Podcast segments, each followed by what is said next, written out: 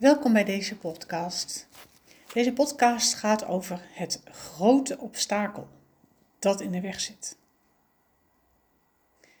Het is zo groot en zo stevig en daarmee zo ontzettend onwrikbaar.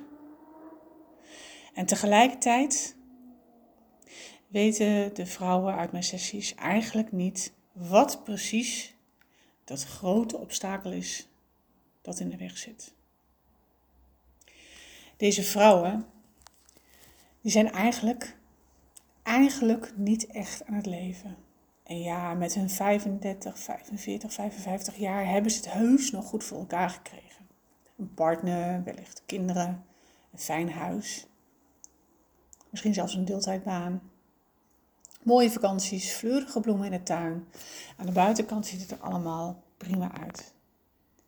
Maar van binnen voelen ze zich leeg en ontheemd. Niet in contact met zichzelf. Laat staan dat ze weten wat ze eigenlijk voelen. Wat ze volgend weekend willen doen. Hun hele leven is onderhand ingericht om dat ene, dat grote obstakel te overkomen, te doorbreken, eromheen te kunnen.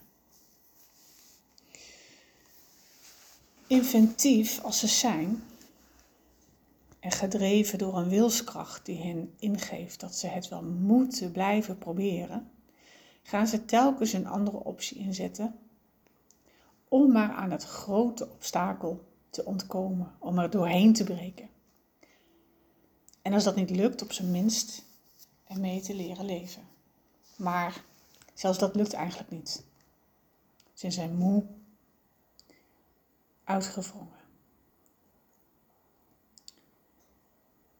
Er is een onontkoombare energieslurper.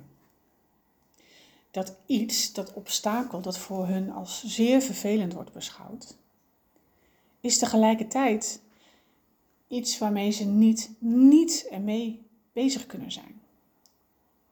Het zorgt telkens voor de herinnering dat ze dat ene niet willen. En terwijl ze zich dit zo beseffen, die vrouwen bij mij uit de sessies, dat het nog steeds niet gelukt is datzelfde achter zich te laten en verder te gaan met hun leven. Omdat ze het zo willen inrichten zoals het wel prettig voor ze is. Het vraagt al hun inzet en energie en aandacht en het bepaalt onderhand hun leven. Het bepaalt vooral ook het gemis aan gevoel van zichzelf zijn en vrijheid. En had ik al gezegd dat ze zich uitgewrongen voelen? Die vrouwen zijn ook enorm krachtige doorzetters. Velen zijn zichzelf al ergens van bewust dat ze nog zoveel te doen hebben in de wereld en voor anderen. Veel van die klanten zijn of willen missieondernemers te worden. En anderen noemen dat wel bewustzijnondernemers of licht- of schaduwwerkers enzovoort. Of ze doen al vrijwilligerswerk of betaald werk met mensen of dieren. En eigenlijk lukt dit ook maar niet. Is het daar ook niet fijn om ook omdat daar ook dat grote obstakel invloed op heeft? Dus het gevoel dat ze zich niet kunnen manifesteren op aarde en anderen niet goed genoeg kunnen helpen, levert ook nog eens extra frustratie op. Ze kunnen hun missie niet vinden. En als ze er al wat contact mee hebben, dan voelen ze niet dat ze het waard zijn om klanten te helpen. Laat staan prijzen te vragen die passend zijn bij de resultaten die ze kunnen bieden. En dit geldt natuurlijk voor de missieondernemsters, maar ook als je niet een eigen bedrijf hebt, voelen die vrouwen ook heel vaak niet hun waarde. Hoe doorbreek je dat nou? Deze prachtige en o oh zo krachtige vrouwen vinden hun weg naar mij. Als woordfluisteraar help ik hen dit grote obstakel helder te krijgen. En ik ben de go-to person om dat te helpen doorbreken. Plus, ik kan er voor ze zijn in de periode daarna, als je al zo lang, vaak decennia lang, niet meer gewend bent in contact te zijn met jezelf niet te weten wie je eigenlijk een wezenlijkheid bent. of hoe je je leven kunt vormgeven, dan is het fijn als er iemand is die een stukje met je mee kan lopen. Ik ga met je aan de slag de dynamiek waarmee je te maken hebt helder te krijgen.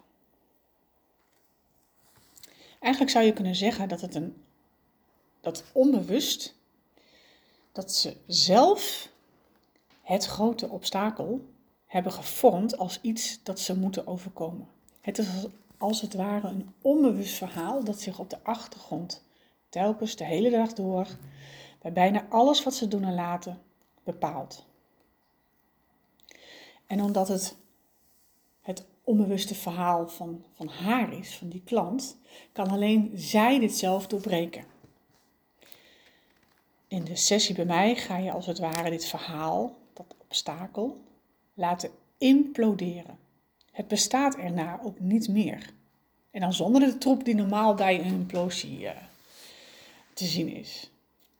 En dat betekent niet dat er niets meer lastig is. En ook niet dat die ander opeens iets anders doet. Maar bij mijn klanten is er echt iets geshift. Hun manier van er naar kijken, hun oordeel, de gedachten en gevoelens die daarna altijd ontstonden. Het wordt letterlijk veranderd. En dat maakt dat je vervolgens de aandacht en energie die voorheen gingen naar dat grote obstakel uit de weg te proberen ruimen, kan je nu anders inzetten. En dat vergt natuurlijk tijd en oefening en vaak jezelf opnieuw leren kennen.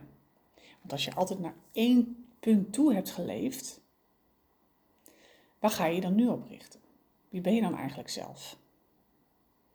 En daar is dan ook nu goed de tijd voor om daar het antwoord op te zoeken, ontwikkelen, formuleren.